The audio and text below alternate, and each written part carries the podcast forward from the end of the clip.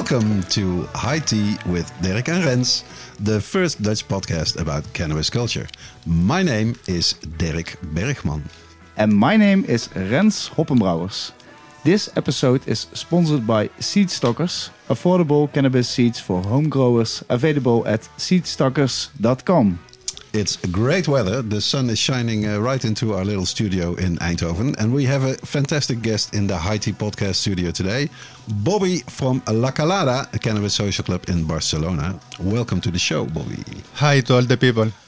Yes, uh, we will talk about uh, La Kalada, of course, and about this, uh, about the club scene in Barcelona. But first, we will discuss some major cannabis news stories in our in our news segment. Yes, indeed. Germany presented its legalization plans uh, this week, and the Czech Republic followed suit with their plan to legalize the plants. And here in the Netherlands, the court case against coffee shop The Blowboot, the smoking boat in Almere, keeps dragging on uh, and has been for over 13 years now. So we, we will talk a bit about that crazy case. And as always, you can listen to our regular segments What's in Your Joint Today?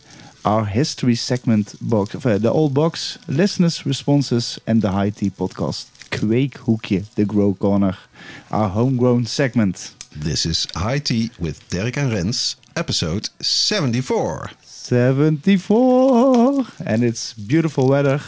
We have our uh, we have a big friend, legend and hash maker in the house, Bobby La Kalada, and uh, and I, as always, I love to start with our first segment uh, what's your joint today?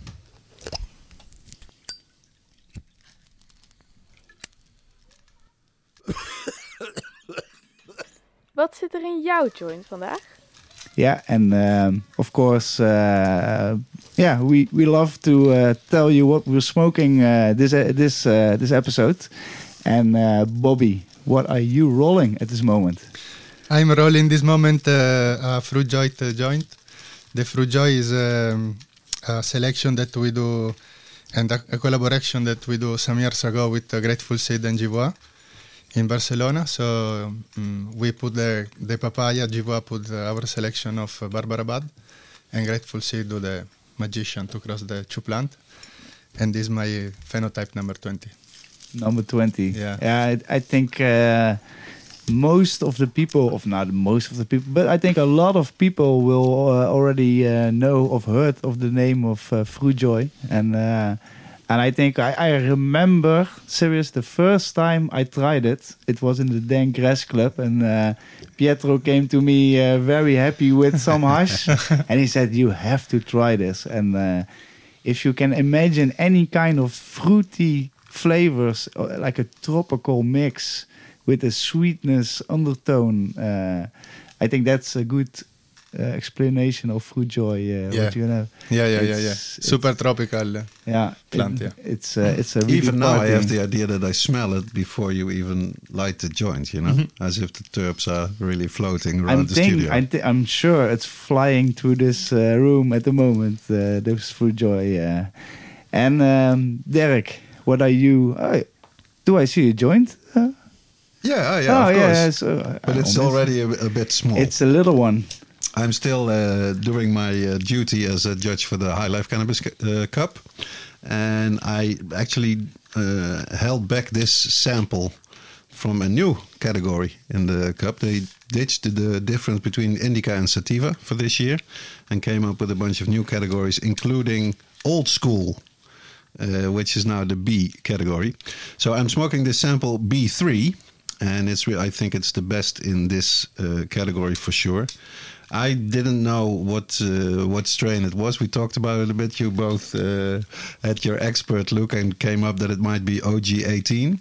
I don't know. It's just it's a really lovely looking bud, kind of purplish, and uh, it's a great smoke. I can say it, it got the highest ranking for me in this category for looks, uh, but now I think also for uh, for taste. But it, it was an off the record guess, eh, Dirk? Yeah, off the record, of but course. Uh, ah, uh, it's, it sounds, it smells, folks, really like a like a real nice OG. So uh, and in that respect, uh, to have it uh, entered into the old school category, it makes uh, it makes, sense. It makes sense. You haven't uh, lit up yet, uh, Rens. What's, what's in your joint vandaag? I, uh, I I had the opportunity to roll a really really nice joint, and I haven't lighted it yet because I'm a bit scared of it because uh, I know how my English sound after a few joints, and this is gonna be a double one. But uh, it's it's a it's a cross of papaya with and and uh, banana jelly. banana jelly. jelly. Yeah, yeah, it's a new selection of is a new cross of um, Grateful, and uh, they call uh, Mela Verde. Yeah. It's a green apple. Green uh, apple, yeah. Yeah, it's. I think I, I'm already seeing which one is also your favorite. if I see the, but it's uh yeah it's this is a wonderful uh, how you say that it's a lovely uh, thing that we can try those things uh, while uh, recording this podcast. So uh, thank you, Bobby, for bringing this uh, gems with you. It's a pleasure. To share the terps always. That's that's really really nice. Um, I think it's a good time to go to the to the new segment uh, for the day.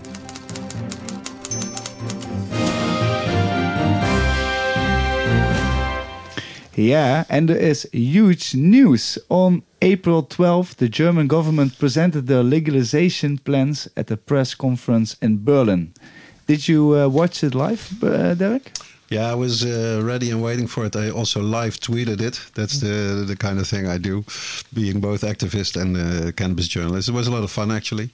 Uh, two ministers were there: Karl Lauterbach, who is the health minister in uh, Germany, and also Cem Özdemir, who is the minister of agriculture and uh, nourishment, food, food.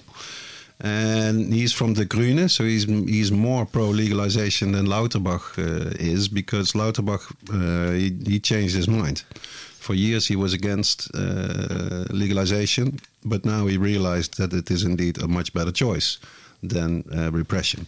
So they presented their plan and came up with something they called the two pillar the two pillar approach. And the first pillar will be that uh, the possession, home growing, and non commercial cannabis clubs will be legalized. And then the second pillar will be that there will be a series of regional model projects with commercial cultivation and sales in shops for a period of five years. So it's like a wietproef, a weed very similar to our weed experiment here in the Netherlands. So the idea is uh, they specifically stated that too that for the first pillar they don't have to uh, go to the European Commission and ask for some kind of whatever green light because this is all say non-commercial clubs uh, it's about uh, personal possession and, and all this uh, the rules that uh, have now surfaced for the clubs is that they can have a maximum uh, number of 500 uh, members total. And they can buy a maximum of 25 grams per transaction and no more than 50 grams a month. And they want to introduce a THC limit for under 21 year olds. So for the 18, 19, and 20 years old, there will be some uh, THC cap. Doesn't make much sense to me, anyway. And the worst thing I would say is that at the moment, the consumption on site will not be allowed in the clubs. So you basically only get your, your stuff there. Sorry, And- I don't understand the the the part of uh, I don't understand the part of uh, the quantity of. Uh, uh, Yeah, you can buy 25 grams in one time, okay, but no more than 50 grams total a month. okay, okay, okay. That's okay, the okay. idea. Yeah, yes, good. And so uh, it's interesting to see there are at the moment already a lot of cannabis social clubs who are just not growing weed, but they already have the members and they already do some activities, so they can really be Start fast right and away. they can start right away. And uh, actually, yesterday I talked to Georg Wurth, who we had, of course, on the Germany special uh, on the High Tea podcast earlier. And he explained that he thought this is the cannabis club solution and the home grow solution, because that's also uh, part of the first phase of the plan that you can have three flowering female plants per adult. And he said, so if you smoke a lot of weed and you are really into cannabis, this is quite good. Yeah. But if you are not a regular consumer and just somebody who every now and then wants to buy some cannabis uh, to smoke or whatever, then this is no good because you have to be a member of a club. You don't probably want to bother growing your own weed. So this is really, uh, I think that's a good point because before we get to the situation that there will be regular commercial shops, this will only be a model project for the now the next five years, and then there's still no certainty uh, what they will what they will do. There was a, this Dutch journalist at the press conference who asked the question if the German government thought that uh, the Netherlands, uh, the Dutch cannabis policy was any example, and he pretty much answered uh, no. and said that the Dutch combination of legal sales and uh, consumption and the black market production is a sum of disadvantages. And he actually used the German term gemeinsame Konsum, which means like collective consumption, like what we like so much, both in the clubs in Barcelona in yeah, exactly. and also in the coffee shops, that we can get together and smoke weed together like we are doing right now. So that's I don't understand why he would say that that is a disadvantage of the of the Dutch policy. And then I saw this tweet and I, I thought, well, I have to read this on the podcast by uh, Tom Blickman, who maybe not all the listeners uh, Yeah, it's a will good know one. Yeah, yeah. from Transnational uh, Institute. He's a yeah, it's a it's a non-government non-governmental organization specializing in uh, in drug policy and working to end the drugs uh, the drug war, you could say. And he tweeted uh, that he thought this this statement was a bizarre statement uh, by uh, Lauterbach. One of the reasons the Dutch have such a weird cannabis policy is that every attempt in the past to legally regulate the market was nipped in the bud by resistance from Germany and France and the US and everybody else. And now they copy the Dutch example of starting a pilot project. Karl Lauterbach should at least have recognized that Germany bears some responsibility for that sum of disadvantages. Yeah, indeed, uh, I think he has a point here because it's true. Uh, France was always on our back, uh, criticizing the Dutch for having a, a, tolerant policy, but also Germany. You know, depending on who, Yeah. who was who was in the government. So maybe uh, not so much critique, and maybe a bit more uh, uh, what you say in uh, in Dutch or in, or in English. A bit more nederigheid for uh, for Karel Lauterbach. Yeah, yeah, exactly. But uh, but I was also wondering, like, 50 grams a month.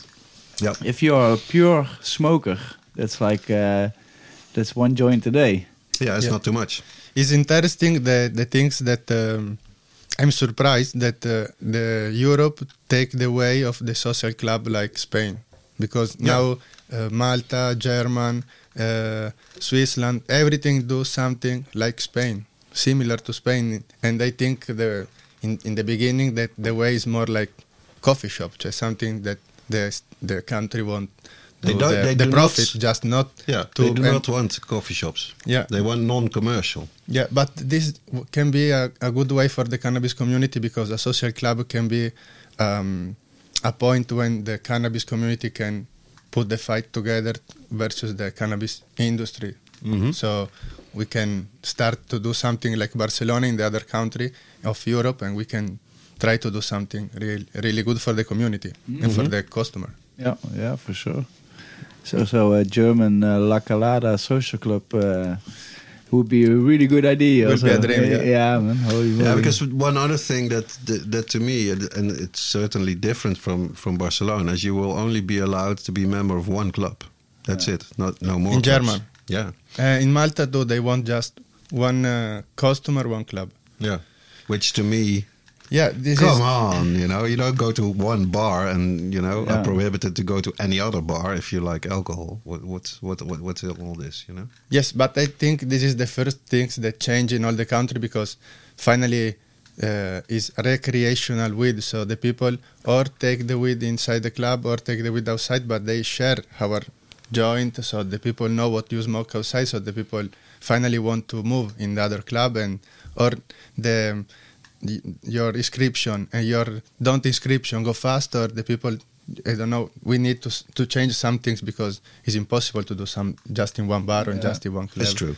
It's, And- it's all step by step, bird And by exactly. bird. Yeah, and also clubs, uh, if they have all 500 members, that comes one one time a year to to, to, Yeah. to get one joint and a coffee. Then you're also uh, so they also gonna select on who's gonna be uh, a member. And I also thought this was an interesting comment uh, by a German uh, uh, cannabis lover on, on Twitter who tweeted on the day of the press conference. Berlin has around 3.8 million inhabitants. It's estimated that about 10% of the population consumes cannabis. That's 385,000 consumers in Berlin alone. If cannabis social clubs are kept at 500 members, the city would need 770 clubs. And total in Germany, 16,640. Does that make sense? Interesting number. Yeah, really. So I think that this also goes back to the point of of uh, Georg saying, yeah, if you if you consume a lot of cannabis and you are really into it and you can grow your own, etc., then then this is not bad. But if you are casual consumer, then this won't work. Yeah. You know? Yes, Yeah. but grow your own is the is it, it- it's be a, a possibility for the customer, but it's not the only way because uh, not all the people can grow your your weed. Because I live, True. for example, in in I born in a part of it. I live in a part of Italy that you don't have a lot of sun, you don't have a lot of you don't are in a good sun to grow. So if you do the best grow that you can do, maybe you can smoke two mount. Of Yeah, a yeah, mount. Like yeah. a customer like me is not the good way. So I need another way to find my weed. Is Mhm. and I want to try another weed because I can't course. smoke ju- just free flavor all my all my year. it's impossible. it's bored the life. it's possible, but yeah, it's possible, but it's a bored life. You, True. You don't want it. It's uh, you know how many people I see at the coffee shop that smokes amnesia haze Yeah, for 16 years long, and some people do like to have always the same. flavor. incredible how they. I, I think they also eat every day the microwave, uh, you know, the microwave um, dinner. Yeah. Anyway, sorry. Uh, also, for the people who loves amnesia every day, I respect also you. You know, I'm happy. Yes. Um, the Czechian of the Czech government also unveiled their legalization plan just after Germany did. How, how will they legalize? Is this really uh, going on? Yeah, this is really uh, it's breaking news, you could say, because the document itself I checked right before we uh, we we uh, started to record the podcast, and it's still not there. But uh, the Prague Morning and other uh, uh, media also in, in the Czech Republic have reported on it, and it sort of makes sense because the the guy who who is responsible in the Czech government for the legalization, he has, has said before that they are watching Germany very closely, how, how they are going to do it, and also uh, talking to the German authorities about how they how they can do it. So it makes sense that they really the day after the Czechs, uh, or the, day after the Germans had their plan, the Czechs came with theirs, and the idea what is what has now been uh, in in in the media in Czech is that people will be able to buy five grams per day, but need to register in a database. And growers and sellers would have to pay annual fees. And the Prague Morning also reports that the proposal is still in its draft form, but it is set to be debated in Parliament this month, so in the month of April 2023, with implementation potentially starting next year, so 2024.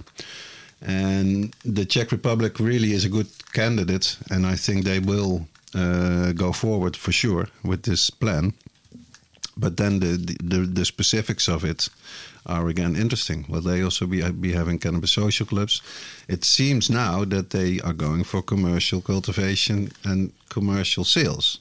So really different from Germany, at least with the two pillars. uh, You know, with first the, the clubs and then the commercial. So this will be uh, interesting to see. I, I saw someone reacted saying, "Will they not have uh, their Luxembourg moment?" Which indeed is a possibility because as we all know luxembourg also introduced you know we're going to legalize the whole thing and we're going to legalize production and then uh, not just only uh, home growing and maybe seeds they, they legalize and still there is no law proposal there. So you, you, you, we can uh, summarize that uh, there is movement but it's uh, none of it is definitive yet But we could make like a map almost now. Also, what they It's do true. in the with the states of America, we could now make a map of Europe with, with all the countries that is, Yeah. and it's really interesting. One of the, the articles in uh, Czech that I uh, read before the show actually had two of those maps, and then it said underneath the source, Dutch Passion. They're always on it. eh? Yeah. They are always on It's, it's another proof. it. Uh, Yeah, but it's, it's interesting to see what happened in Europe, uh, like uh, USA, because now we can put a really date, uh, because now maybe in 10 years or 15 years, the, the situation in Europe can change really.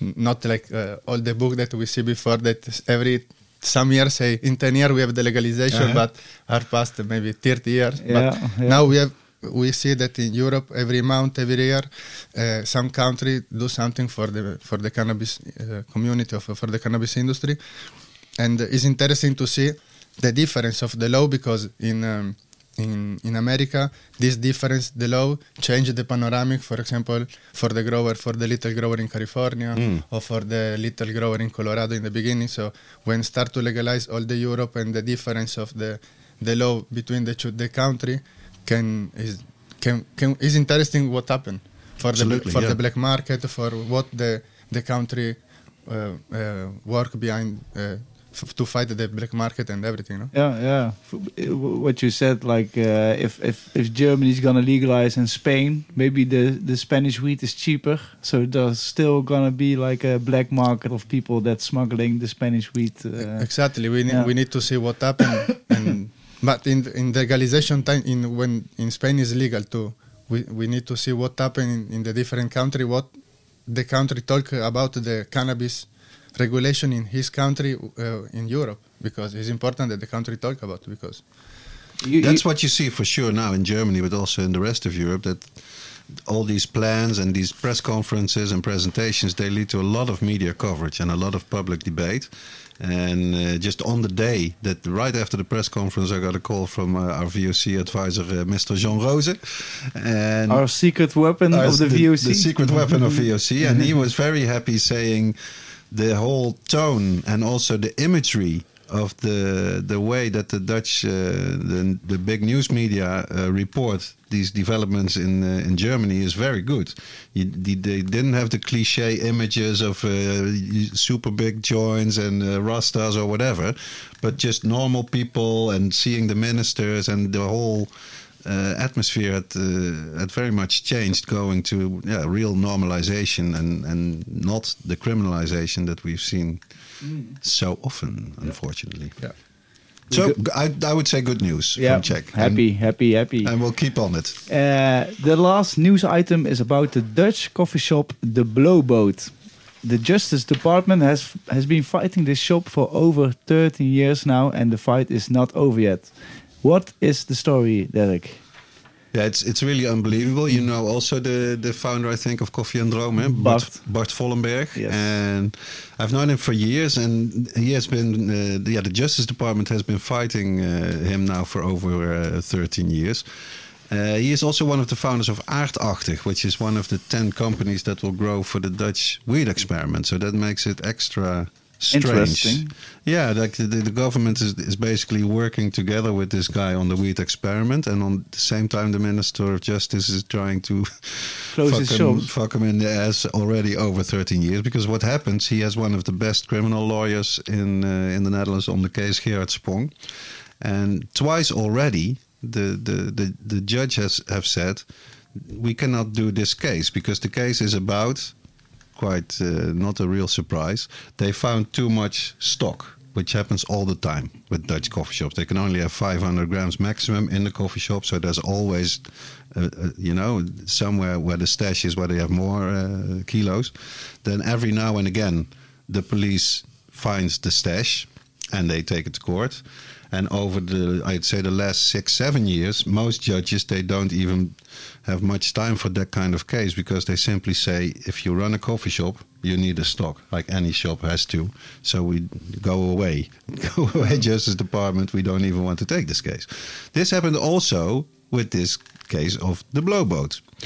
But then every time the the Justice Department would appeal it and go to a higher court and say, yeah, but you look at it again. This guy had so many kilos. You can only have 500 grams. Please, we want to prosecute him. And now this has happened for the third time in a row. And it's also reported that in the meantime, the, the Justice Department tried to make, get a settlement with uh, with the blowboat, but they, they don't want to do it because they, like all their colleagues who have not been prosecuted for having too much stock, they, they don't want it either. So this this keeps dragging on, and I've asked uh, Bart Vollenberg a number of times already to be a guest on the High Tea podcast, and he jokingly says if if the prosecution is uh, finally over, then I will be happy to come on the show. So, the dear But listeners, We we hear you. we have to wait a bit more before he uh, he can do it. But we'll keep you posted on the case, and we can expect that again. Uh, no judge is gonna really sentence him for this. I would say. Yeah, let's hope it ends well and uh, and good for this time. Uh, that's it for our new segment. Let's focus on our guest Bobby from La Kalada. and uh, Bobby, um, we all like to uh, start with the beginning, and uh, so I would like to ask you to to tell us a bit about you, where you where you grown up, and a little bit what the little Bobby was. Uh, I grew up in Italy. I, I I'm Italian, but uh, and I start to smoke really young at, at school. So I I, I start to uh, to um, uh, hash lover in the beginning because in Italy it's very easy to find hash and it's difficult to find weed. Uh, but I live in the zone that we have a Slovenia here, so I try a lot of uh, outdoor weed and I try to start a lot of strange flavor or uh, land. And uh, when I moved to Spain at uh, 19, It was, but but to to to keep it a little bit in the beginning. What kind of weed you were smoking? Uh, kind of strains of how did you find it? Was it easy to find it? yeah, uh, I live in the in the city Gorizia, that uh, is uh, uh, have an history like Berlin. Is my city after the the war is divided in two parts. Okay. So we have Gorizia in Italy and Nova Gorica in Slovenia. Oh wow. in Slovenia, and uh, the um, culture of uh, outdoor in Slovenia is, is really big, and they have a domacha weed is the the typical name that they see they call the weed domacha, and is a typical skunky weed of uh, Slovenia. Okay. Is- Yeah, yeah. and uh, we usually smoke that because it's very cheaper. So when you are young, it's easy to find it. Okay. Uh, but when the hash is the premium quality, so we see quickly that we want to smoke hash. So Yeah, yeah, yeah, we, yes, we try we try to find the best hash, and in this time the charas, the first isolator, is the is maybe the top that we smoke, and we find in in Bologna, in Italy, more big near near Okay. Amazon. Yeah. So the hash, uh, you were always already really interested in the hash and all Yeah. kind of things. yeah, And distraction. was there a specific reason that you went to Barcelona? Or Can you explain us a bit? Uh, because the repression, basically, uh, we have um, a little uh, social center in, in my city, and we promote the the legalization, the the um, the um, uh, um, The the, integration, no, the integration of the people. We have a, a little lawyer for the the people that arrive in, the, in this time from other countries. So we we have like a little social center for uh, for the people for the city, and uh, apart we smoke weed. So we have a big repression with with us from the police and from all the authority. And when I finish the school, I say I want one year to think about my life. And so I go to Spain, and they see totally other uh, other vibes. What what age were you when you left? 19 years. Okay, yeah. Yeah, and I go for one one year to to try my experience after the school like that. But I see other other vibes outside my city. The More world, open. yeah, the world is really big. So uh, when I, I I try to start, I try to start to live in Barcelona. I see a lot of things. Uh, finally, I start to live in Barcelona, Mm-hmm. and uh, quickly, maybe two years later, but I start to grow in in one year, two years. I start to put my first seeds. I, I, I do some plant in Italy, but nothing of important. Some some testing outdoor.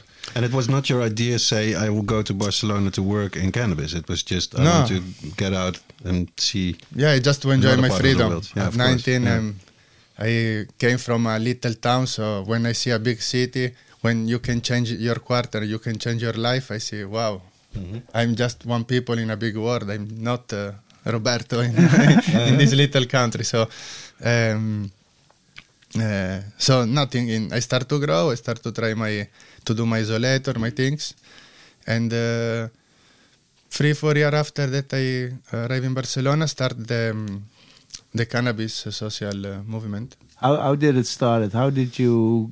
Uh, I start to work uh, in 2000. 11 in the with uh, Iram, with the third ah. club that opened in Barcelona. I, I, seriously? Yeah. Yeah, Iram, I was also a member of that. Yeah. Uh, I'm also a member, yeah. Legendary with, place. Yeah. I am the member the street, number five. the street of the Hash Museum, isn't it? Yeah, exactly. Yeah, yeah. Yeah. they changed the. Um, they take this uh, social club, is a social club for uh, lucky strike smoker of tobacco. No? Yeah. they have all the paper to do to smoke tobacco inside, and all the color is from Lucky Strike, if you remember. Wow. But they take this paper and with uh, 100 euro, they change for uh, they put cannabis and they touch Lucky Strike. so yeah, so we start to grow in the first floor of the in the second floor of the, the social cannabis, and uh, after we we put big, the, but uh, I don't have the same vibes with the the owner of the the And they were closed down, eh? yeah, they A number of they years ago. Yeah, Yeah. with some trouble, and so with the um, with my myself, I built La Kalada with my friends. I have. Uh, So you were just social- were you just growing for uh, Iram or also Yeah, you I'm working the- the bar or no, no, I'm grower for Iram. just growing? I'm the grower, Yeah. yeah. And the grower, I built the the, the first two free room for uh, grow room in for for Iram. I do the first extraction. We do a lot of things for for Iram, but uh, is is not what I I consider it for good for the community. No, I see a lot of. Um, I don't know a lot of things that I don't like. So I prefer. I, I see that uh, uh, this work can be real. So I try to do something with my friends Yeah. and with my other family, And tell us about and we uh, still continue. tell us about the name La Kalada. The Calada is main puff Okay, in in Italian in, Ca- or in no, Spanish? in Spanish. Okay, Main puff in Spanish, yeah. okay, Yeah, that's really. Uh, it's a great name. Yeah, really, really good. fantastic. yeah. yes.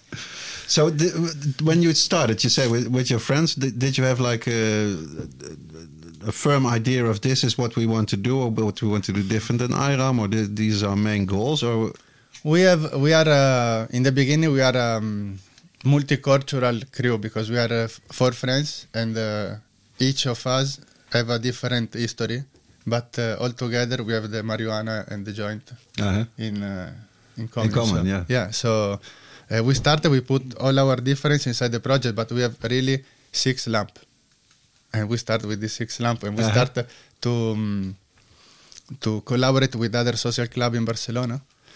And uh, during the, the work in the, the in the La Kalada, because we do every, uh, we do all with ourselves.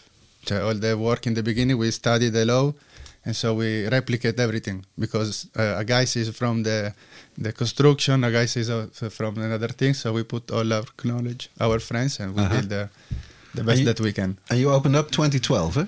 And we opened in Kalada, 20. yeah. We uh, founded the Kalada in 2012, but uh, we opened really the social club in 2013. So this is your main Jubilee anniversary year this year. Yes, exactly. We do 10 years of uh, social club this year. Fantastic. Yeah. Yeah. So is it hard, like, if you are, uh, because I don't know if any of your friends were like Spanish or Barcelona residents before, was it hard to like get the license or did you just start? Or how how did it go in the in the first period? Really is uh, not too hard to start because um, um, the wave to open the club will be very big from, from the beginning because when the people understand that we can do, we start to do. Yeah. and um, uh, so it's, it's not so hard to, to take the license. Will be more hard to to, To keep it, maybe. Yeah, to no to fight with all the situation. For example, find the, first bank that accept uh, money from weed. This is a problem. Or find the, the for example, you say that in Czech Republic they ask the, the to registration in a Yeah. database, and this is we, w- the first problem that we have with the Spanish people. because if you are forester, you can enter in a social club. You put your name, no problem, because in three days you take your flight and you come back, no problem. But for the resident, for the neighbor in the beginning, put your ID for say I'm consumer. Is strange, Yeah. you know. So the f- the first uh, is more fight for, with these um, these these things Okay. and uh, But you have to be uh, strict, I think. If someone, if if they don't uh, have their ID taken, you cannot make them a member. Or Yeah, if you don't have it, yes, yes, yes, yes. But the people don't want to put the ID. Mm, Yeah, they don't want to stay in anonymous yeah, to consumer because they don't know if in one year or if the police enter in the club, they take the the, the, the name of the people Mhm. and they know if you are a consumer, if you are a customer, you know. So the people because you can lose your driver license, you can you can have your a lot of problem in your life if you are a yeah, and that's that's why indeed what happens in the Czech Republic is interesting because from what I understand is that they really want a database so that other clubs can see if the guy has bought weed in your club and cannot have any more because he will go over the limit, which uh, is not happening in Barcelona. No. Yeah, it's a, it's all you you have the the system on for your own club, but it's not centralized like all the clubs are, are on there. Yeah, I think this a bureaucrat's dream. Yeah, I think the the idea of this country uh, is uh, that the people can't buy a lot of quantity Yeah. and can't uh, resell it. But That's uh, it. the price of uh, regularization always is stabilized on uh, just a little bit up on the black market. So it is very difficult to do to resell some product if you buy. You know, so I I think is. Uh, I, I what I say before I, I won't see what happened in Europe with all the, this difference in Mhm. between the law Yeah. because finally the customer is intelligent so he do what is better for him Absolutely. Yeah. if the system's not good, it's Yeah. going to fail. Yeah, Yeah. that's true. And at some point, you guys went to America as also as La Kalada. yeah And then you there you also learned and meet a lot of really good people. Uh, yeah um, basically after uh, four fi- five years of uh, start the movement in in Barcelona the American people the Holland people all the world know what happened and the Spannabis take day by day the edition by edition uh, uh, he put always big big and big so uh, finally arrive all, a lot of American in, in Spain, arrive a lot of uh, Holland people, and, and the community can open this third po- third big city in, in the world, maybe, no? Um, and nothing. So we we do some friends, and we start to see these friends in USA, Mhm. and we start to bring some genetics. We start to to start to do some collaboration, and. Uh, we open our mind. Finally when you travel and when you when i can i go to holland or i go to america i have a lot of influence from the terps from the people from the knowledge. So finally uh, uh, it's important to travel and to to see this If you compare those two uh, scenes, like the cannabis scene in Barcelona and the growing to to in, to the one in California with growers and seed banks, what would you say are the main differences? Uh, uh, it's a good question. I see that the market in California changed very quickly, and uh, is diff- is is very different the situation from the first time that I go, and what I see now. So I see um, maybe Spain uh, now not more real, but, but uh, more like Cali, like uh, 20 years ago. That we try to do something different and we try to push our quality and we we fight we fight between uh, our friends, but a good a good fight, a good uh, um, with competition. Yeah. yeah. And uh, I see that the people in Cali fight versus the big investor. So they fight to survive now. They, they are friendly, but uh, they live another uh, part of the history of our uh, legalization or our history. So um, uh, I see that uh, California is a dream. It's always a dream because they have a lot of history. There are the best herbs, and uh, is is the heart of the cannabis community. I think. Yeah. Did it uh, Yeah. improve your vision on on terps and quality and, uh, and In- in- when you went there? Yeah, I, I improve my vision all all everything because I see the future in Spain, uh, I, the future in the cannabis industry. I see the, all the marketing, the good, the good things and the, the bad things. I see the, the real people that work for the terps, for for the new, for the community, for to do something different, and they see what the big companies start to do and what they do now. So uh, I take the best that I see, It was the better, Oh. and I try to bring with me. was that the the the, the base of the fu- the fundering, how you say it, from Foundation. Uh, the foundation of uh, K Gourmet. Can you explain us about Ah. uh, that? Yes, uh, um, uh, is one week before Spannabis.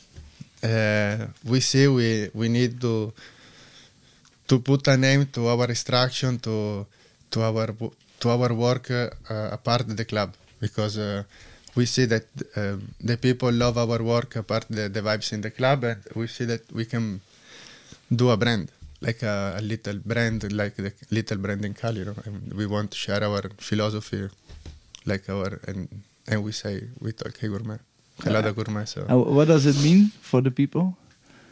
K, K Gourmet? Ca- Calada, gour- Calada gourmet And gourmet is like like a gourmet in Holland, where you do little bites with the, the good little bites, right? yeah It's yeah, like yeah, yeah, yeah, uh, yeah. No, but also just just uh, the finest. You know, it's just the finest for Yes, the the connoisseur kind of thing. Yeah, and it's all extractions, huh? no we Or uh, just yeah we go for in in the beginning we grow a lot of flower too Mhm. and uh, um, yes and we start to grow flower and uh, and do the extraction. But in the last three four years we convert all the grow in uh, in grow for extraction. So now usually we wash everything. Okay. yeah we we wash all the grow. You guys from real club owners, you guys really being washers uh, the last uh, years. Can uh, can can you explain a little bit about your uh, starting with with with washing Uh, because it's a, it's a, a different part of growing, of course. When yeah, how did you teach uh, discover it and uh, is um, is a large history because when I grow the first plant in uh, in uh, wait, it's a large history, it's strange history because when I grow the first plant in, in Barcelona with the friends, in the middle of summer he broke his head, his uh, his part of the leg. his knee? His knee. Um, so he need to come back to Italy, and we have this four plant, big plant in in our balcony. So uh, he say me, I don't, I can't smoke the weed. What we do, what we do, what we do, we wash it, and we do of a big part, uh, just a little bit part is more easy to smoke. You knew you knew how to do it. Yeah, we we don't know what we do, so we we have a friends that uh, um, know the isolator, the water hash. is a friend of a friend of us. Yes. uh, So it's a strange combination. These guys came to my house, and uh, my friends is stay in Italy for the operation, and uh, we finish the grow and everything, and we wash, and we change for some um, this knowledge for some uh, uh, psycho psycho mushroom. yeah, yeah, he give me the knowledge for. Uh, because I harvest a little part of, ash, of mushroom, and she say me, But- "Ah, but- I, I love it. But were, were the plants done yet? Were they finished flowering or not? Yeah, yeah, they finished flowering. yeah, Yeah, yeah, because my guys came back to Italy, so I finished the flowering in Mm. the balcony. When the plant is ready, I cut it, and uh, I uh, because conserve a lot of weed in your house, and uh, I don't know when he came back, so I say I give it back to you. 25 gram of isolator, 30 grams of what what what can go. So when he came back, he have in his in my fridge the the stamp of isolator. So and and you got you get uh, you really enjoyed washing it. yeah, You were thinking, holy shit. See, yeah, yeah, yeah. Finally, in this time, the the in the south we smoke in, in Europe we smoke a lot of hash, and in Spain you smoke a lot of hash. But uh, the isolator in this time is not a lot in the culture of the smoker. So we smoke like uh, the really premium things that we do finally of the grow. So we don't have the the concep- conception of the extraction that we have now. Um, and uh, when you, we open La Kalada too, we, we wash, uh, we wash a lot, but we don't have dry freezer, we don't have mm, do- don't all the clonal on the resin, all the plant for the resin that we have now. So um, the thing are changed very quickly in these 10 years. for for the conception of destruction. Yeah. And what, what about the customers? Do they like the majority now go for concentrates instead of flour, or still a lot of people buy flour anyway? A lot of people uh, change to for destruction. Uh, usually when they are more uh, not so young, because finally you try to smoke less or or to try something more hard sometimes. And uh, I see a lot in Spain the um, they change when in the beginning you can find just one kind of two kind of uh, hash in the street, and now you can do in a coffee shop and you have uh, in, the, in the social club and you have ten times of dry, ten kind ten types of uh, dry sift and ten types of uh, water hash. So the people try every time something different and something better and understand what is the resin. So the hash smoker now have a culture behind and know what he smoke. And he buys something or he takes something for uh, and he say dry sift 19 or dry sift 70, he knows if he really 19 or really 70. The people know and the the people change over, always in this part. So the good smoker of ash have some uh, water hash with him always. Yeah, yeah. uh, the development of the hash game is incredible the last Yep. years. I have to say, I I always was a little hash fan, uh, but at certain point uh, also uh, when I was working in the Tourmaline uh, seven, six, seven years, seven years ago, they uh, they came up with those dry sifts, and uh, the, the first one was the banana OG dry sift and the Nicole, and uh, those ones holy shit that was for me already a new flowery hash Ah, of culture course, yeah.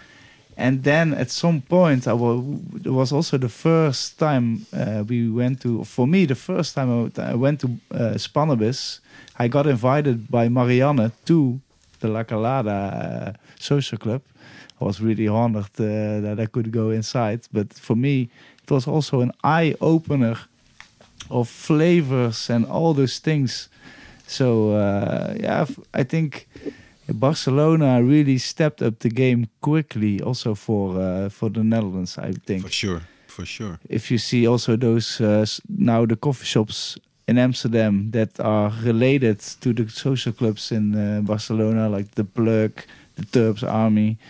It's incredible also how popular they are and how how they uh, pump up the quality now, because a lot of coffee shop owners are a little bit.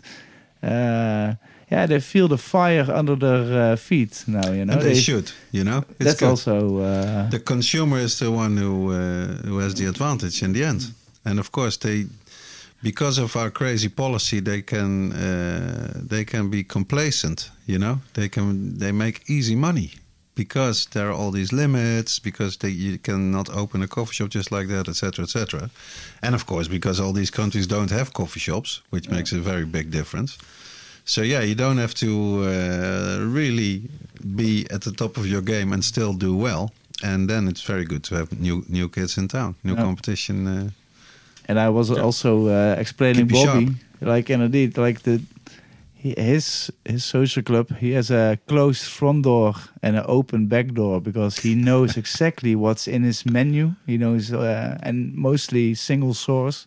exactly the other way around yeah, and, and for the Netherlands, for a coffee shop, they have an open front door. Everyone can walk in if you're 18 Yeah, plus. even without register. but registering. you have no idea what you're buying, and it could It's be true. yeah, and even the owner is not even doesn't even know most of the time. yeah. But the things the things change now for all the country Yeah, because it's it's unviable, unviable that, that not change because uh, the country when German legalize, Holland need to change some law to for German and German need to change some law for Holland because we need to talk about because Mm.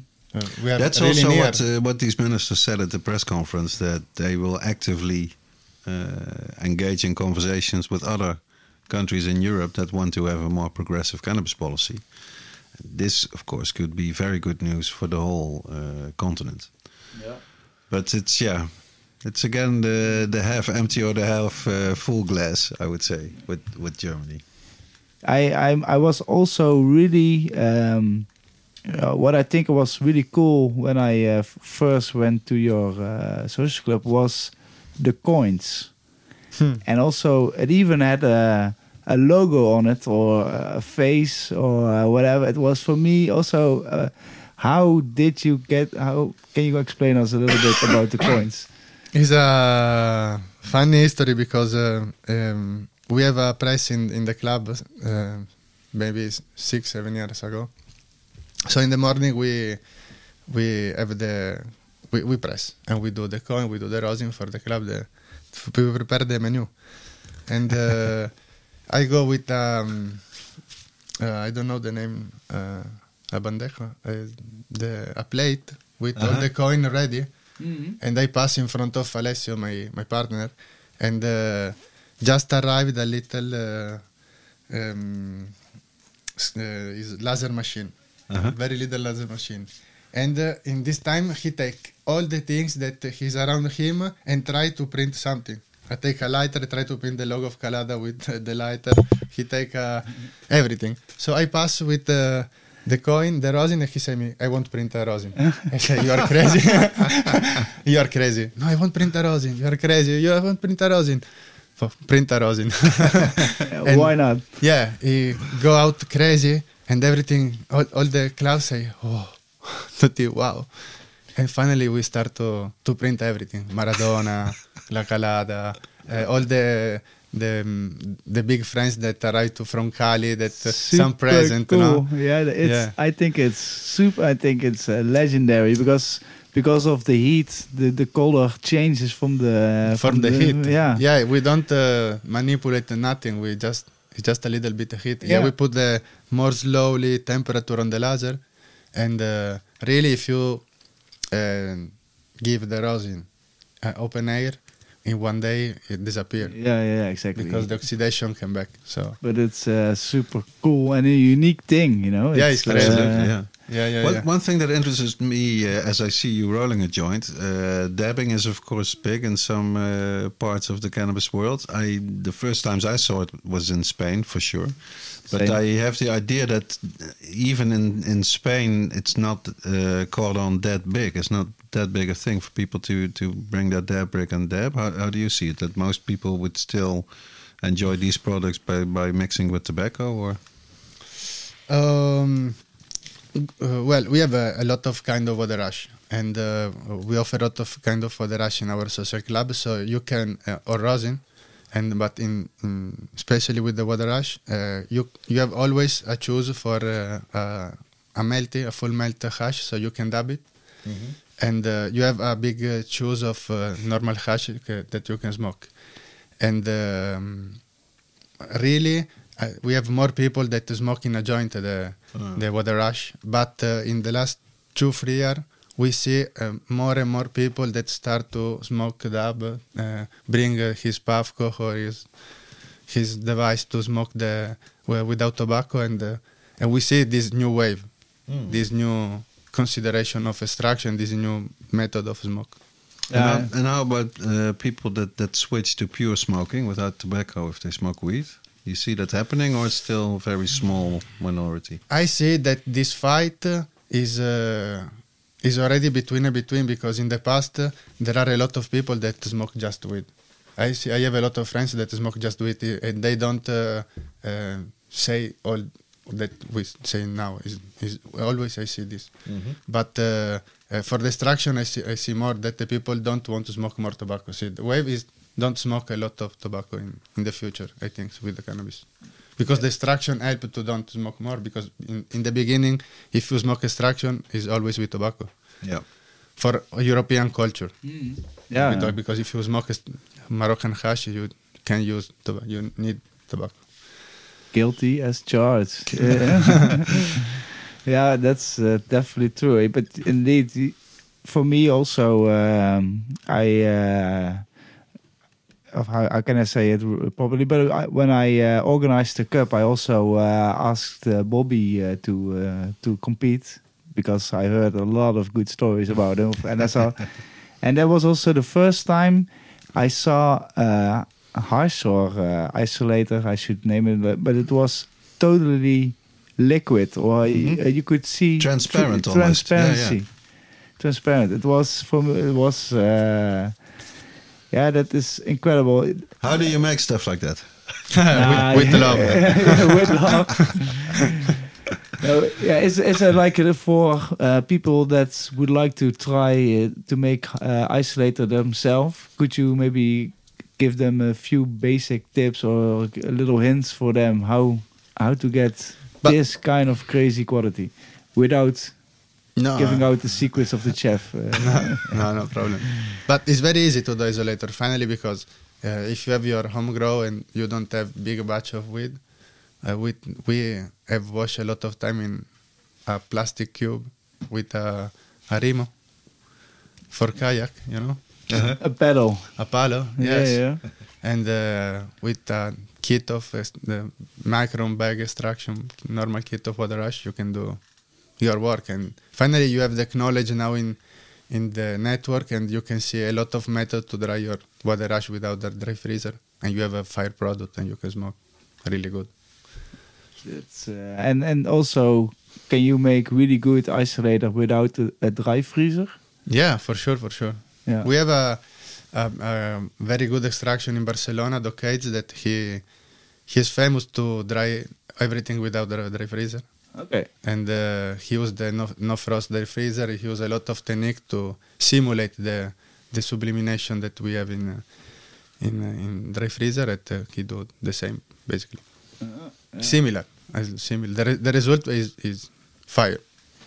Yeah. And, and talking uh, about the Cannabis Cup, uh, you also organize a nice Cosecha cannab- Cup. Yeah. yeah, the cosecha cup. Yeah, How you how you got there? Can you uh, tell us some more about that?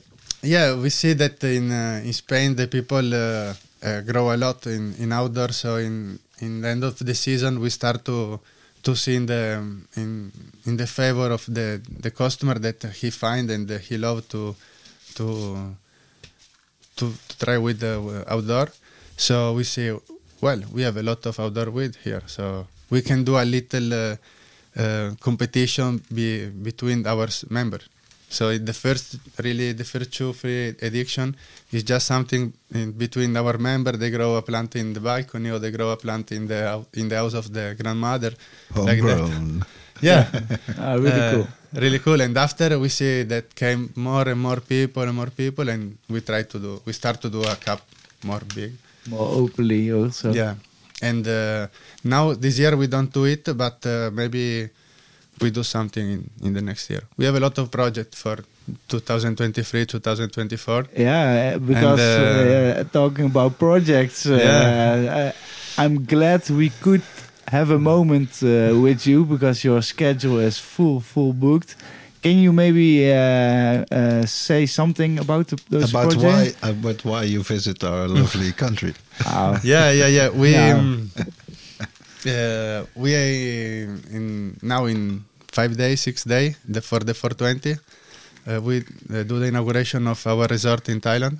in Thailand. Yeah, Holy so- moly, that's yeah, so I'll- cool. A little resort with uh, 11 rooms, the Italian restaurant, the coffee shop, and uh, we start our production soon. In uh, So Really, also two- La Kalada stepped his feet in Thailand. Yeah. and start making grows. Yeah, and, yeah, yeah. uh, Getting those those cake gourmets. Or uh, if I pronounce it uh, well, I didn't pronounce it well, but uh, I want to go, Rens. this is You are me- invited. Yeah, this is We for should me. go. Holy we should moly. go for sure. Yeah. It's on Koh Samui, right? yeah, Oh, well, it, it's a great island. and uh, yes, no, we We start a can, we can kick around Bangkok a bit and then go Koh Samui. I see it all before me.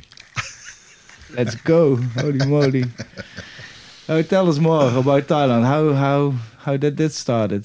Uh, we started last year like a joke when when the law changed, and um, we have a big friends here and uh, there, and um, and nothing. We try, and finally after three, two three months, we receive an email that we have all the paper.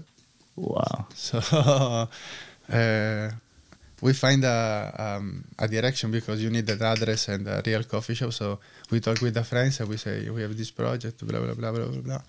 Yeah. They say okay. so we do this combination. We find um, uh, old uh, banana cultivation camp, no? and uh, we rent it, and now we b- we build inside the the first um, grow room indoor. So Uh, how do you think about the whole Thailand uh, regulation? How they how they do it like this? Interesting because um, now in Thailand, uh, in the in the beginning, we don't have any kind of regulation, any type of regulation. So it's All anarchy. Like uh, now, the the government uh, uh, start to put some law. For example, uh, uh, in the beginning, stop the importation because Thailand uh, was full of uh, Cali weed. uh, polluted. yeah and uh, so they stopped the importation so now we can import and uh, now the, the next step maybe is the traceability of the weed so we start to do a really uh, good traceability with the barcode and all these things to do the traceability of the weed that the weed need to grow in Thailand. You can't sell Yep. with uh, uh, not Thailandese weed. But I think it'd be perfect if it's if it's all in house. If you can guarantee Yeah. we grow this wheat ourselves, we we extract this ourselves, you know, from our own Exactly. plants. is is fantastic. That's what I'd say customers want. Yeah. So now in Thailand, the things can change uh, uh, step by step in, in the next year. And uh, what I see, I see that now there are uh, a lot of coffee shop and the people are uh, started to grow a lot. And uh, I have just the fear that we can the, the no regula- regularization of this can uh, can be uh, put in a future like uh, what passed in Italy with the CBD. So we have like a big bubble, and after this bubble when collapsed, Yeah. the price go down and the market finally is uh, really unstable for a long time, and uh, It's a it's it's the risk. Yeah, it's the big uh, risk. yeah, so yeah. we see what happened, and uh, it's really that Thailand uh, uh, you can do the things without a big big inversion. So we are a um, um, like a a- small. You can do. yeah, we are a little start, family, yeah, so we yeah, want yeah. just put uh, here our philosophy and uh, and we see what happened. Because could you summarize what went wrong in, in Italy with the with the CBD industry? Yeah, in, what happened in CBD in Italy? Um, in the beginning, uh, started like a, a rush to the CBD, so all the people start to grow CBD and put a lot of CBD. When uh, each year when we harvest, in the beginning, you need a lot of CBD, and uh, Italy is pioneer, so he sell a lot of CBD outside in German, in Switzerland, in France, in in Greece, in Spain. So we have a lot of Italian CBD in Spain. Um, uh, but the no regularization of uh, from the government and the stable the stable situation from the government uh, every year they change the law they do something that they put fear to the growers. So a lot of fear a lot of uh, small grower die and uh, the big company take it. So now the CBD Italy industry is, is not good is not bad. Is like in in strange situation. Is Yeah. not better big, if you see the beginning. Mm. Now the situation is And do you think like they, if they hold out long enough, that they can switch to THC like normal cannabis, and then they are ahead, or will will Italy be too slow? Italy maybe? is very uh, conservator, Mm. no, in these things. So uh, they talk about, but they don't don't really talk about. Uh, so Italians sure can talk. yeah, uh, for in sure, politics, eh? For sure, Italy do these things when uh, Italy wait German because in the moment that uh, uh, the Germany uh, legalize the weed, change everything because Italy is, is is really near to to German and France for all this decision. So uh, it's not the first country of these three that legalize for sure. And do- you think that Italy, that, the Italian culture would be, would it be compatible with cannabis social clubs like they want to do now in Germany, or just need like a commercial system? Will be amazing, but I think the second way is more more uh, Probable. easy. Probable, yeah, Yeah, exactly. yeah. and is is not good because um, I think uh, I'm Italian, but I think the Italian people uh, do a lot for this market in, in the last 20, 30 years. In Barcelona, we do a lot of things. In in Holland, we are uh, in a lot of project, and we have do a lot of things. In, in Holland, we are in in uh, in, in in America, so uh, we hope to work in our country too. Yeah, that, Yeah. I can imagine. yeah, exactly. Because Well, I remember when we had uh, Lorenzo on the show of Terps Army that he that, that we talked a bit about. Okay, imagine if, if it would be legal and you could do it in your home country. He was more like, eh, I'll, I'll never go back. what do- What do you think? If if you could do it in Italy, would you move there and try to to to, But f- to um, build something there, or for sure, Italian are um, people that uh, are traveled for uh, for the beginning. No, we we are everywhere, yeah, and uh, yeah, it's incredible. it's incredible. How many Italians are in Barcelona, for example? Yeah, but in in all the world, eh, in- Yeah. Oh, yeah. in- from Australia to USA, you you see a lot of Italian people. But uh, um, uh, um, I'm lost. The, Uh, the idea so- of sorry. the idea of returning to Italy if if Yeah. you could be could Well- work there legally, yeah, when we are or, or don't bother and go just to Thailand and Barcelona and stuff. Yeah, sorry. Uh, when, when I'm uh, when I'm young, I told with uh, my grandfather, and uh, I, see that we travel, and the good when the people travel and bring our experience back to our country. So if uh, I'm a, a good extractor or a good grower, for example, will be good to uh, improve the cannabis culture to my region, to my people, and, uh, So and push up the level in Italy. Uh-huh. So if you consider what what do you consider yourself first and foremost as as like a, a grower or an extractor of a, or a club owner? What, what's your main? Activist. Yeah, I, I'm considered a weed lover, but in the big, in the first step, I, I I'm an extractor. I travel, I don't know, six, seven times a year just to do extraction or to find plant or to search uh, to do something related for the extraction. I I spend I don't know all my day um, talk about extraction or to do extraction. And, yeah. And is there someone who uh, who taught you like the most about the process and about techniques, or, or did you gather it from from all different sources, maybe? But uh, um, usually every year, every six months, you have something new, a new texture, a new technique, a new, a new terps.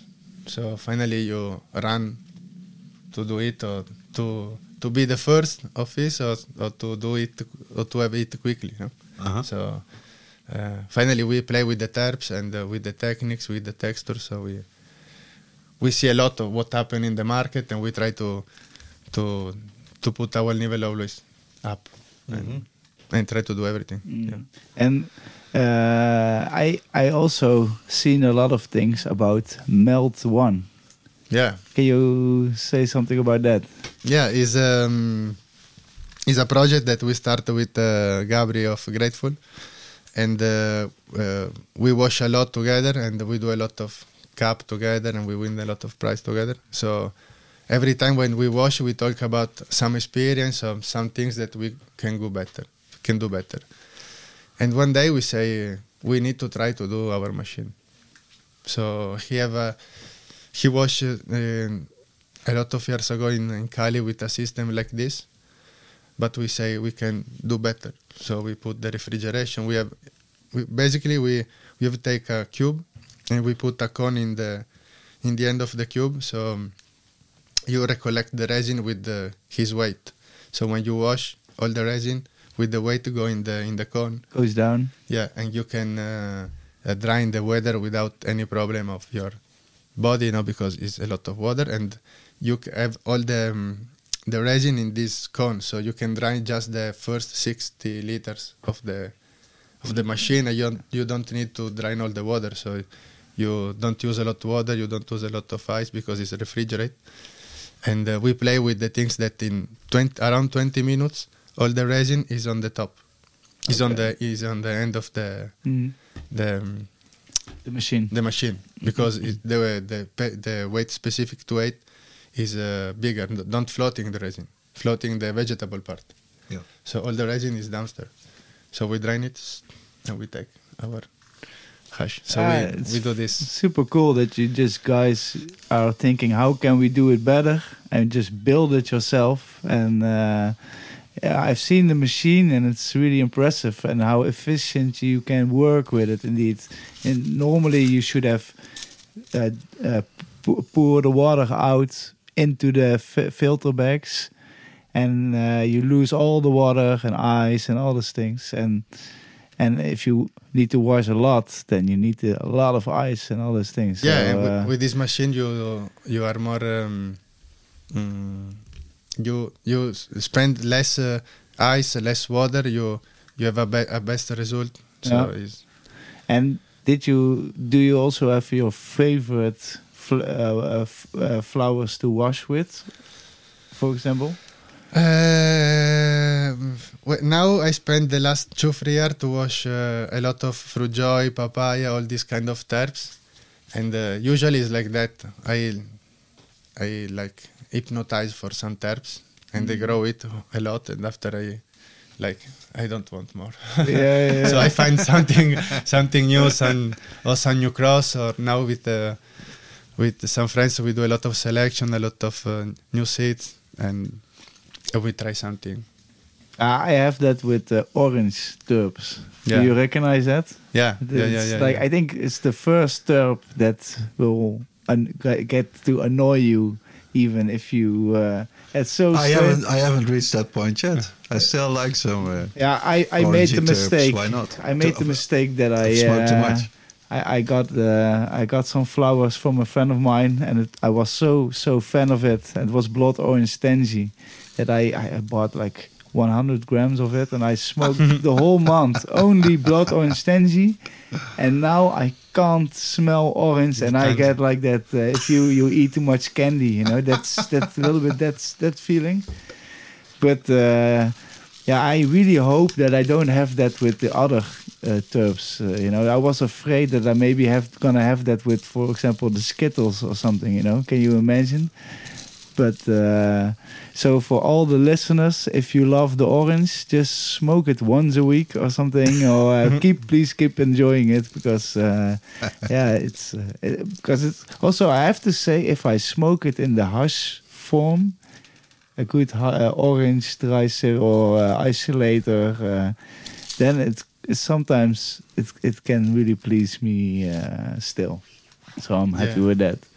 I I spend a large part of my life to smoke Tangie, all of kind of, all Yeah. kind of Tangie, nice. and uh, in the hash, uh, in, in Moroccan hash, we we spend like two three years to find the best flavor, and we try to to find it now. Um, and I I don't I can't smoke a lot now.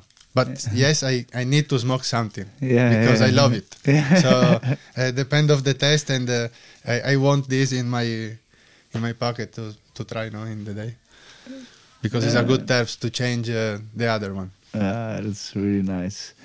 So uh, yeah, I, I, I think we covered a little bit your story from uh, as, as a little stoner to now a One- master and grower. One thing but- I'm, uh, I'd, I'd like to ask you about uh, before we we, uh, we forget is I noticed like last time that we were in, in Barcelona around the Spannabis in the Spannabis week that uh, the menus were like super impressive in the clubs and also very different from the year before. Like if you go to a Dutch coffee shop, they usually have some varieties that, that are there for yeah sometimes for years. But I have the idea that in the clubs in Barcelona it goes like super fast, and and the variety is, is is is like hype. And then next year there will be a different type, and the whole menu will be different. What's your uh, experience being there? I think the same. um, when we start uh, uh, this wave in, in, in Barcelona, uh, always open with the the weed that we have in Spain. A lot of critical, three, four different phenotype of critical, Yeah. three, four phenotype of uh, AK-47, three of uh, Black Domina, all this strain.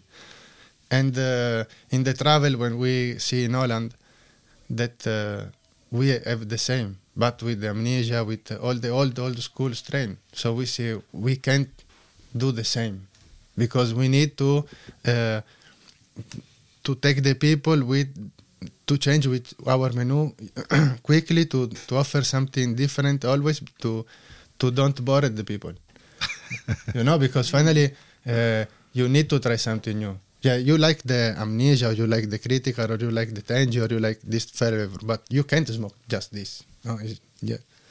For me, for example, in, in this uh-huh. part of my life, or when I'm young, or a lot of my friends, so we need to try a, lot of things, and we we we do the sesh to to share the new terms and to and to show what we find, what we have, and and finally, this is our work. So so we need to put something new because finally the people copy you very quickly. So you want the are different. You want to step up the game all the time. Yeah, yeah, it's it's incredible to uh, and this is to good. taste because- it. Yeah, all the club in Barcelona finally they want some similar flavor because the good is good for everything, but uh, we need to have something different from each club to each club. Or yeah, like Holland, the 20 years ago when I came the first time in the coffee shop, we have a little map, and we uh, we go in the Blackbeard for one things, we go to Barney for one things, we go to Kandinsky for one things, and then finally in the weekend on in the in the week,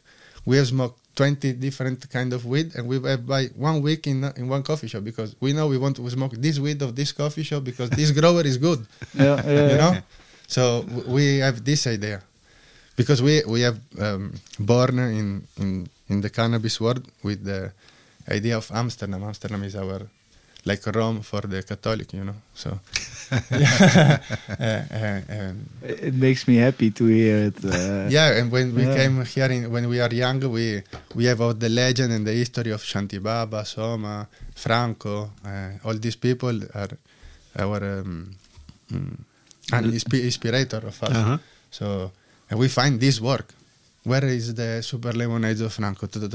Where is the the grow of the blueberry? We all the. Um, I remember the. Um, oh, in Kandinsky we buy the. Um, what is the name? Mm, Because Kandinsky indeed is such an old yeah. Amsterdam coffee shop. so, I remember. White Russian. No, the White Russian. Um, something, Dr. eh? Grinspoon. The Dr. Ah, Grinspoon. Yeah, yeah, yeah. Yeah, I talk about 2010, around this year, 2009. Hardly anybody grows it, Yeah, and but you sometimes get it. I got it from uh, from Ricardo. Yeah, in, yeah, yeah. uh, Zaandam. It's The fantastic really weed. little, little, Fantastic. little balls. Yeah. Yep. yeah. and this time we are crazy for the AIDS. Jack Herer, Mm. uh, and when and when Dr. Gri- when Barney do the Dr. Grinspoon, we say, ah, it's crazy. We need to try. Uh-huh. Yeah, and yes, so we what we try to do in Spain to build something similar of the old school in Holland that you find the Kalada because Kalada have the fruit joy, you have uh, the Clementine Kush, you have all this our selection that put our famous because we try to put some new terps, some dif- different terps in the in the market. I, I was also how many clubs you think there are in Barcelona? Minimum 220, and we are one million and a half people. And Amsterdam has 160 coffee shops. So Barcelona wins. I think it's uh, for everyone who's listening to this podcast. I think it's uh, it's the new Mecca, No, Barcelona. for me it's the for me it's the new Amsterdam. I think uh, I, I it's uh, such a no, it's different. pleasure. Yes, it's, of it's, course. it's different from the start. Okay, okay, but for yeah, me, it's different. The You know- club feeling is just what is also great. Like we, we we talked about before, the idea of even if it's not uh, you know all your friends or something that are in the club, you still get this sort of feeling that you that you are in. To me, it's very different from a coffee shop, which has advantages that you can be anonymous and just walk into a shop and nobody knows it.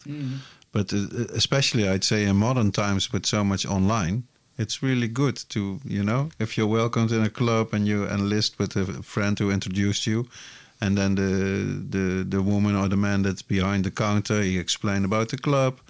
I I like that that that process and also the idea. We, we've been having so much fun doing that that you hear all the gossip, you know, and all the stories and the Instagrams about ah this club has fire weed, blah, blah, blah. and you go there and you, you try to get in. and It's then an you have, adventure. to, you have to find the door for first. Yeah. that's always the adventure. You know, where is it? So You- you, you might say you sort of reinvented uh, the thing because yeah, the coffee shop it, it is different from the from the club. But I must uh, going back to this uh, tweet at the beginning of the show of Tom Blickman. Uh, people should still recognize that that the Netherlands for a long time we, we were the only ones that that kept the flag uh, flying. So don't dump on us too much. Although it is true that we sort of yeah we lost the ball because of our uh, politicians. Yeah, but uh, uh, I think Holland, uh, Amsterdam, and uh, now I, for the first time I stay in Eindhoven, but I see Tilburg. Uh, I see a lot of cannabis history. So we don't have these Absolutely, things. yeah, it's true. We don't have this kind of podcast, this kind of library. Mm-hmm. Uh, is is I, I feel the history in, in, in Holland and like Rome for the Catholic in, in Italy because well, you can talk with a lot of people that uh, know this um, industry from the, the really beginning Uh-huh. when we smoke the Nepalese and when we smoke the charas and when we smoke this kind of thing that when I'm younger I uh, grow up with this this hash this this history Uh-huh. so now the world are changed is more uh, marketing and more brand uh, the, the packet and all of these things but the, in the beginning we have more uh, I don't know romanticism Yeah, no uh, And in- in- authenticity. yeah, and in, in Holland you can feel all of this now. Is is history is more old because you see the coffee shop is not so new like the, the cannabis club in Spain, but they have history. Mhm.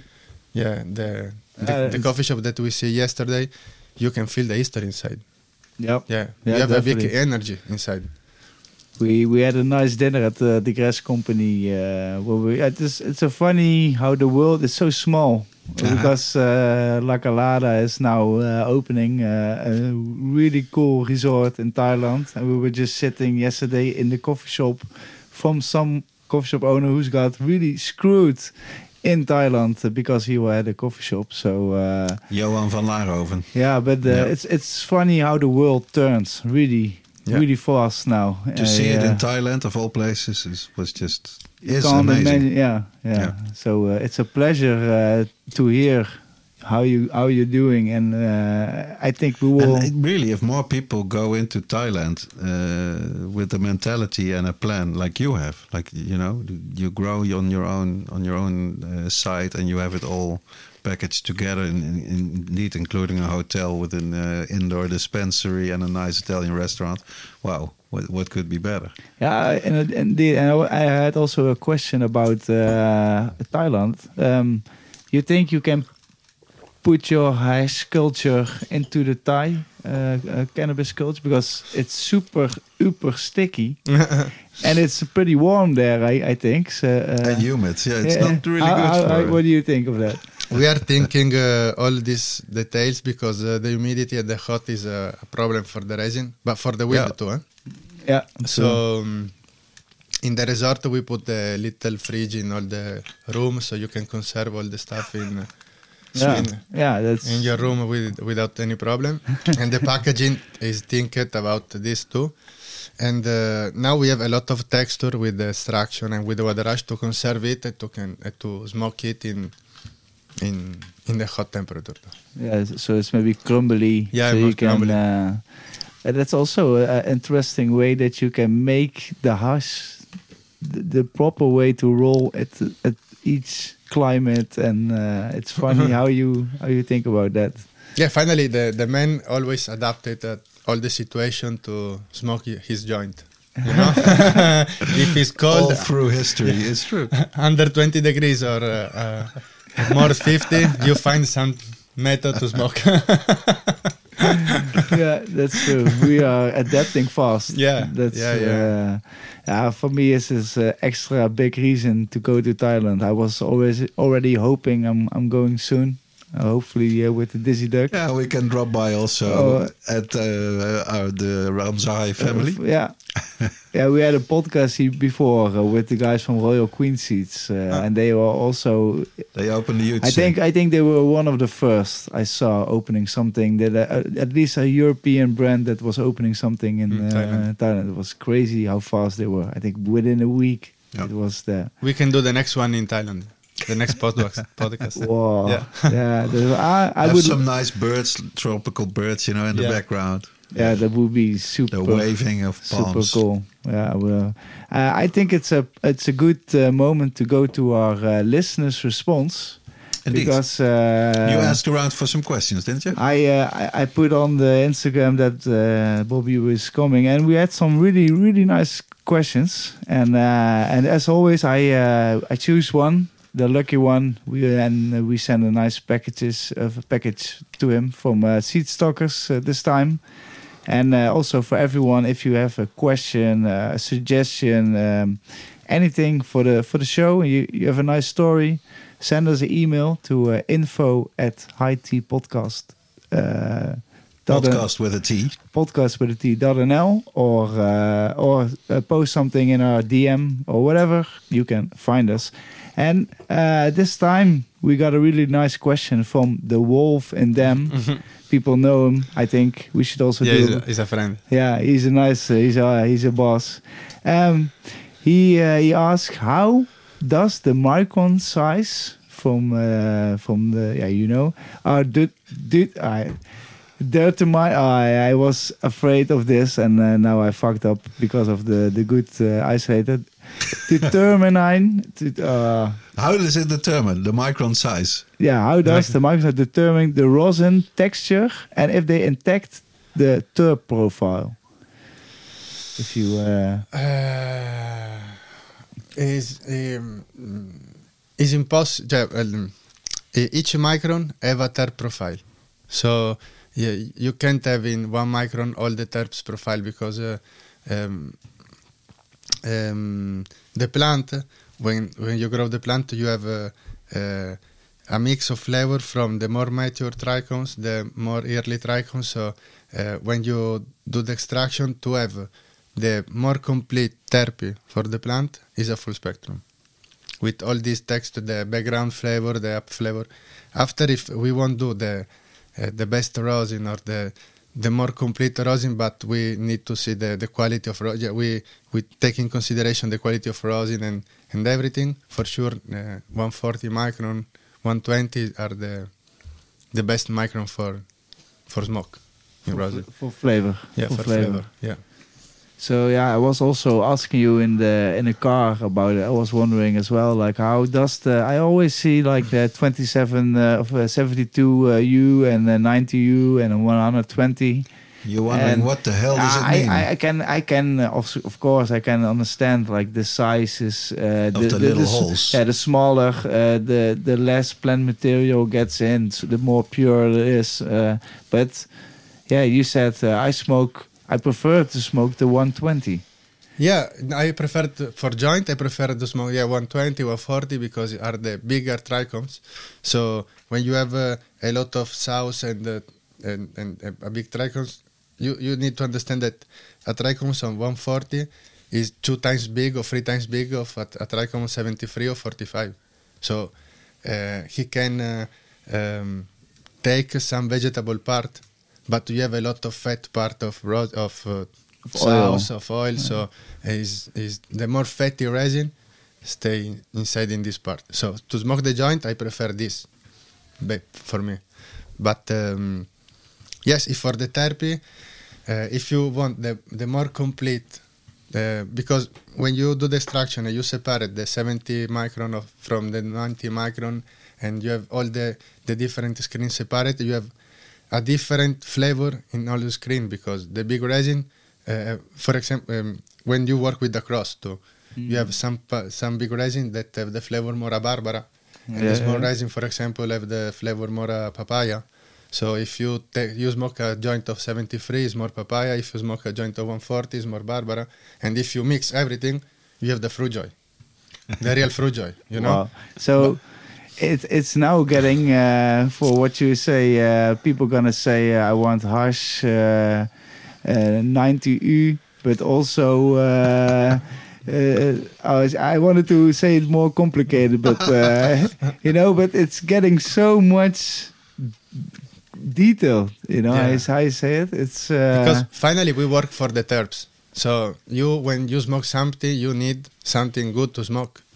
Then the micron that usually they put to put, put 90, 73, or all this kind of micron is to understand their, the the purity, the, the cleanest of the hash. Yeah. But uh, really, if if uh, if you have an, an hash maker, you put this just for the commercial people because you know if the hash is full melt or is melt or is what kind of hash you have in your hand, no? Yeah. And uh, So your, uh, what I wanted to say, so your, his favorite is uh, Fruit Joy uh, cut number 20. 120 U. Yeah, yeah. fresh frozen, boy. You know, Full that- yeah, it's it's. Uh, So, so like you like you uh, mentioned, and I, I think I agree with you. That it's all about the terps. Do you think in the future, uh, instead of like a strain description or a THC percentage, it, it the terps will be a, like a big thing on the menu or in the communication towards people buying it? Yeah, I think uh, um, exclusivity in the in the first step for all the people that want to have a brand or uh, want uh, are different in the in the market. That the keeper and the types of this keeper and the difference that we have of the same plant, but you have a different keeper, is what do you different in the market. So because all the people have uh, Sherbet or all the people have Skittles, but a good cross uh, between Sunset Sherbet and Skittles, and Skittles, if you find something very good, you are alone to have it. So I think that uh, the the power is in the people that select something different from the cannabis industry that you have in this moment. yeah, I'm looking really forward to it. To Oh, be yeah. honest with you. Yeah. So uh, thank you, Wolf and the Dam, and I'm sorry for my terrible English uh, and, and my struggle. But uh, we're gonna make sure we get in contact, and uh, we're gonna send a nice package to you. Indeed, we will. I say, uh, Dirk, we go to the the old box. Uh, let me get that tune ready.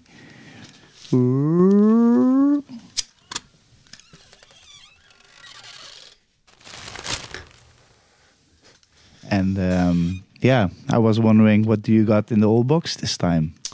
Uh, I have an, uh, an old Arab legend that was written down in a letter from 1914 by British traveler, writer, archaeologist, explorer, cartographer, and political officer Gertrude Bell.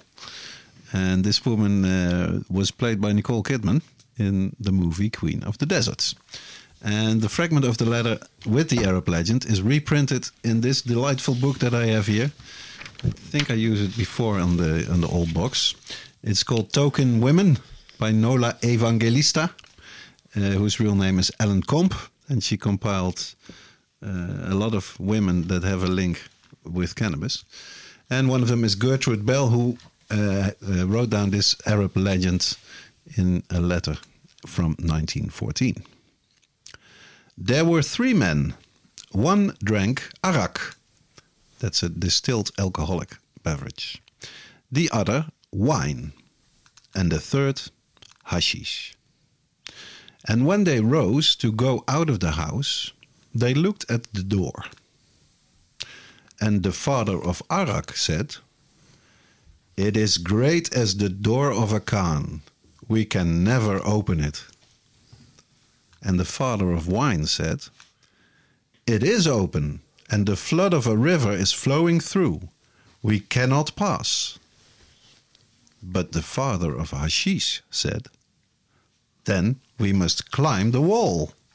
And he climbed the wall and dropped into the street. Amen. Thank you, Dirk. Thank you. Um, here we go uh, to the last segment. Het kweekhoekje. Het High Tea Podcast.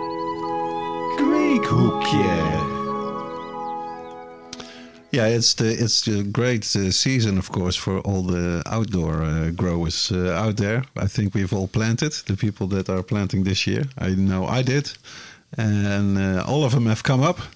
One uh, little problem that I uh, had with one of them is that the the seed shell is still very much locked onto the thing, and I try to sort of really gently get it away from the plant. But uh, do you have a, have a tip for that specific problem, uh, Bobby? Um, mm, Or do I just wait? Because that's I don't know. Can it can it still develop when when it's in the shell bit? Or yeah, you just you need to wait. Or uh, I with um st- the teeth of st- stick uh, the a little uh, stick. uh-huh. I try to open okay, yeah, like uh, China. When you Yeah. go China, Like when the stick. Chi- Yeah, the yeah. stick. Mo- more smaller. you try to very gently. Yeah, with some water sometimes Yeah, you can put more softly. okay. I'll give it a try. Yeah. And do you have any other Yeah, tip for a listener? I have a tips for uh, the hash maker because I know when if you want to start to to do hash, uh, wash all your grow is difficult. So uh, you can take a jar, you can put a lot of ice, or you can put in the freezer, and when the uh, water is really really cold, you can put I don't know 10 grams of weed, and you can do a test with each phenotype that you have in in your grow room. So you can shake the jar with 10 grams of fresh frozen wheat and in the end of the jars you can see if you have a lot of resin what color of the resin and if you like this this plant you can wash everything Okay. or not you can't wash all the grow Uh huh. without know the result no so you yeah, can do yeah. just So yeah, is it for you a good indication of what you're gonna get? yeah, it- it's a good in- indication because uh, uh, when we do the selection of the phenotype, after we grow this phenotype in, in a large scale, no, so we Yeah. try to do one meter, two meters, and we can lost uh, resin. So we can do the the try uh, without uh, have any s- security of Yeah. the return, no. So we do some test, and with your eyes, you see if you have around half a gram or one gram of ice, you're okay. With 10 grams, half a gram is but perfect. Okay. So for everyone, so uh, that wants to try it out, it's even a good uh, homegrown way to just make ice-o-lator quickly by yourself.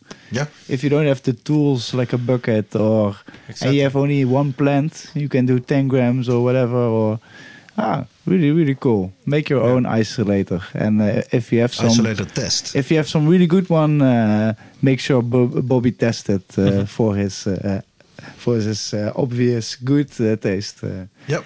And And of course, if you have any uh, specific questions on growing outside or inside, make sure you get them to us by uh, sending an email or uh, putting them in the comments. always welcome. Send us over. Um, that uh, brings us brings us to the end of episode seventy three of the High Tea podcast. Uh, 74, I think you mean. Seventy four. you put seventy three on it. Oh, God, it's my fault. Oh, Yes, I. It actually was 74, It's sorry. I'm uh, gonna. but it flew past. It you know? was. It felt like 73 so fast. it went. no, Bobby, thank you so much for your time and uh, that you came over to the High Tea Podcast studio. Thank you, you to invite me, and I'm happy to come back. Uh, that's uh, Fantastic. thank you so much. Uh, Maybe we'll do uh, indeed the next uh, the next time we meet will be in Thailand. Yeah. for sure. he But got about it. awesome colleagues, and uh, they also should be on the show as well. Uh, Alessio and uh, the rest, they are awesome guys. So um, yeah, good good luck with all those things in the Thank future. you. And uh, and uh, Dirk, thank you.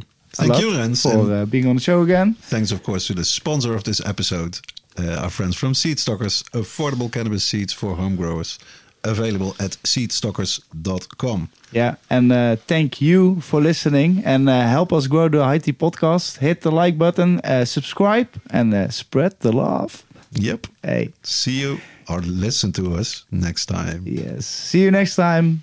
Bye bye.